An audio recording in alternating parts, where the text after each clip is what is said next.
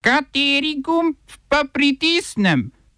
Tisti, na katerem piše OF. Nigerijska policija v času policijske ure streljala na protestnike. Volilna komisija v Kirgizistanu določila nov datum parlamentarnih volitev 20. december. Ameriško pravosodno ministrstvo zaradi oviranja konkurence toži spletnega velikana Google. Veljavnost bonov, tako imenovanih poči voucherjev, podaljšana za eno leto. V kulturnih novicah intermedijska instalacija Acts of Polarity. Informativni program začenjamo s policijsko uro. Če smo v zgodovinskem Britofu raziskovali historični pojav policijske ure, pa v njej tokrat povsem aktualno.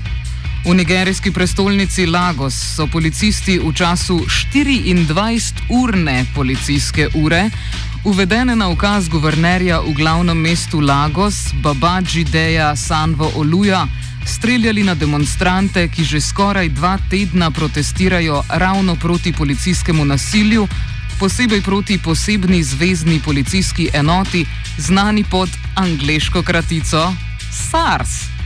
Nigerijska vlada je pod pritiskom demonstrantov odredila njeno razpustitev in oblikovanje nove posebne enote, poimenovane s kratico SWAT.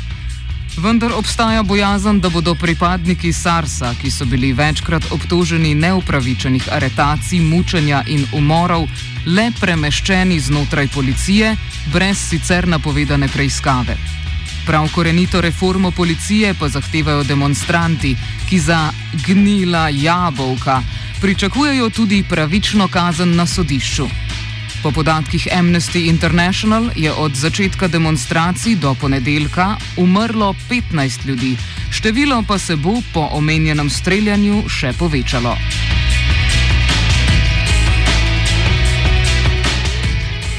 Volilna komisija v Kirgizistanu je za nov datum parlamentarnih volitev soglasno določila 20. december. Po objavi rezultatov volitev, ki so potekale 4. oktobra in jih je volilna komisija zaradi nepravilnosti kasneje razveljavila, so ulice po državi zauzeli protestniki, v luči politične krize pa je minuli četrtek odstopil predsednik Suronbaj Ženbekov. Njegova pooblastila je začasno prevzel Sadir Žaparov, ki ga je nov sklic parlamenta dvakrat potrdil za predsednika vlade. Prvič je sedaj odstopljeni Ženbekov zaradi domnevne nesklepčnosti glasovanja in posledično imenovanje razveljavil in zavrnil. Nekateri poslanci so namreč glasovali nadaljavo. Poleg parlamentarnih bodo v Kirgizistanu tako predvidoma januarja izvedli tudi predsedniške volitve, ki pa jih mora razpisati parlament.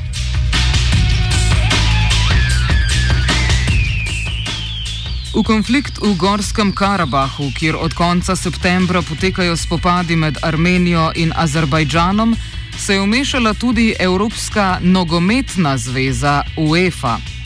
Izvršni odbor organizacije je namreč sklenil, da začasno prepove izvedbo klubskih in reprezentančnih tekem, ki v vojskujočih državah potekajo pod okriljem UEFA.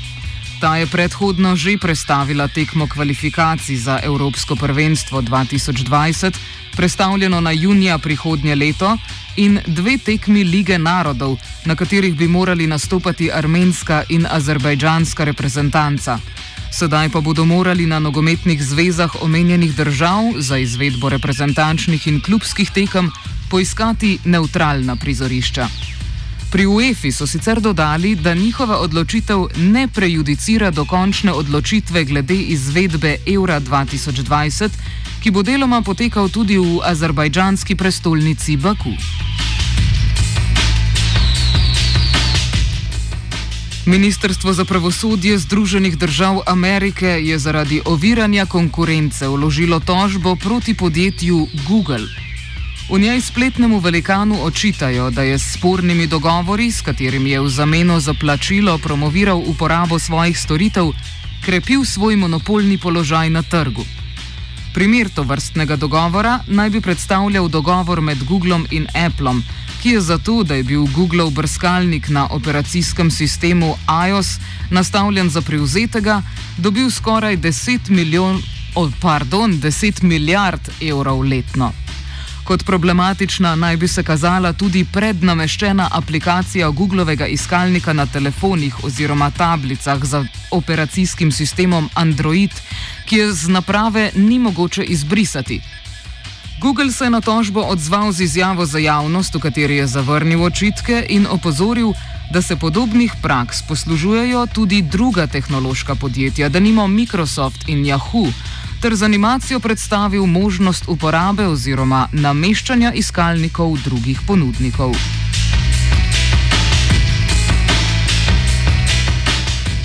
Nekdani bolivijski predsednik Evo Morales je po zmagi Luisa Arse na nedeljskih predsedniških volitvah napovedal vrnitev v domovino. Čeprav uradni izidi še niso znani, usporedni rezultati kažejo, da je nekdani minister za gospodarstvo in član gibanja za socializem, poznan pod kratico MAS, ki jo iz izgnanstva v Argentini še vedno vodi Morales, prejel 52 odstotkov glasov, njegov glavni tekmec Carlos Mesa, predsednik med letoma 2003 in 2005, pa okoli 30 odstotkov. Morales je Bolivijo zapustil potem, ko je oktobra lani sam slavil na predsedniških volitvah, ki pa so jim sledili množični protesti zaradi očitkov o volilni prevari in njihova razveljavitev. Proti njemu pa se je zarotila tudi vojska. Sprva je prebežal v Mehiko, nato pa decembra lani dobil politični azil v Argentini. V Boliviji je za Moralesom sicer razpisan nalog za aretacijo, a zdi se, da se bo s spremembo politične klime na parlamentarnih volitvah, ki so potekale hkrati s predsedniškimi, je mas v obeh domovih kongresa dobil status največje stranke, nekdani predsednik, ki je državo vodil 14 let, lahko vrnil iz tujine.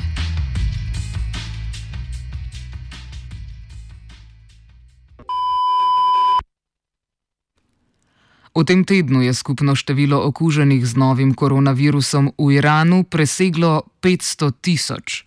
Samo včeraj je bilo na novo okuženih več kot 5 tisoč ljudi, skupno umrlih pa je več kot 31 tisoč.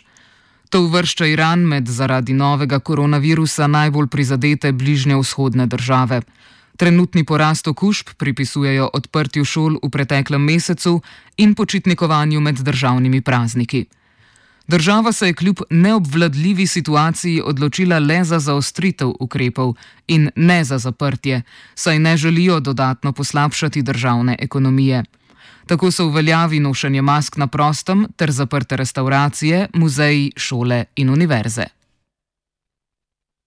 Dodatno obremenitev zdravstvenega sistema predstavljajo tudi ameriške gospodarske sankcije zaradi domnevnega iranskega jedrskega programa in podpiranja terorističnih organizacij. Posledice sankcij se kažejo v pomankanju medicinske opreme, ta je dražja in prihaja po nezanesljivih dobavnih kanalih. V tretjem največjem mestu Isfahan so sicer pospešili gradnjo zasebne bolnišnice, ki naj bi v prvi polovici prihodnjega leta nudila 300 dodatnih postelj za bolnike s COVID-19, možen pa bo tudi oduzem brisa iz avtomobila.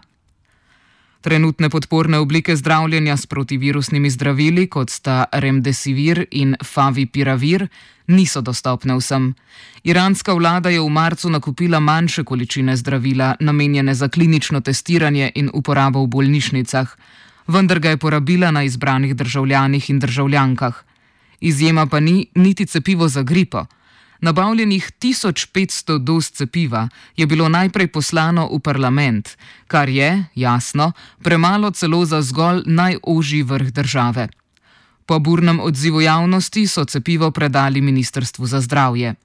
Naj spomnimo, da se lahko letos pri nas na brezplačno cepljenje proti sezonski gripi naročite pri NIJZ ali osebnemu zdravniku. Oba, če, če bom odgovoril na angliški. Slovenia will try to help. We can Slovenia will and we will do our utmost to say that the situation is our problem ourselves. and uh, We will make further steps as soon as the conditions are. bomo vlado Marjana eh, Marjana Cererja Šarca podprli. uh, very very serious. we know how and we will. Ministr za gospodarski razvoj in tehnologijo Zdravko Počivalšek je glede na trenutne epidemiološke razmere v državi napovedal, da bo vlada zagotovo podaljšala veljavnost turističnih bonov, tako imenovanih počivalčarjev, in sicer za eno leto. Možnost podaljšanja turističnih bonov je predvidena v petem protikoronskem zakonodajnem svežnju. Vlada pa bo o njihovem podaljšanju odločala decembra. S tem bo poskušala nadomestiti izpad koriščenja z naslova rezervacij, opravljenih za čas jesenskih šolskih počitnic, ki pa ob prepovedi prehajanja meja statističnih regij in skorajšnje ustavitve javnega življenja ne bodo mogle biti izkoriščene. Dodajmo, da smo veseli izletniki do danes izkoristili manj kot polovico vseh turističnih bonov. Še novica iz državnega zbora. Poslanci so na 21. redni seji glasovali o kandidatu za ustavnega sodnika Anžetu Erbežniku in kandidatki za viceguvernerko Banke Slovenije Arjani Brezigar Masten. Nobeden od njiju ni dobil zadostne večine glasov za izvolitev. Of je pripravil žiga, krov je prispevala Klara.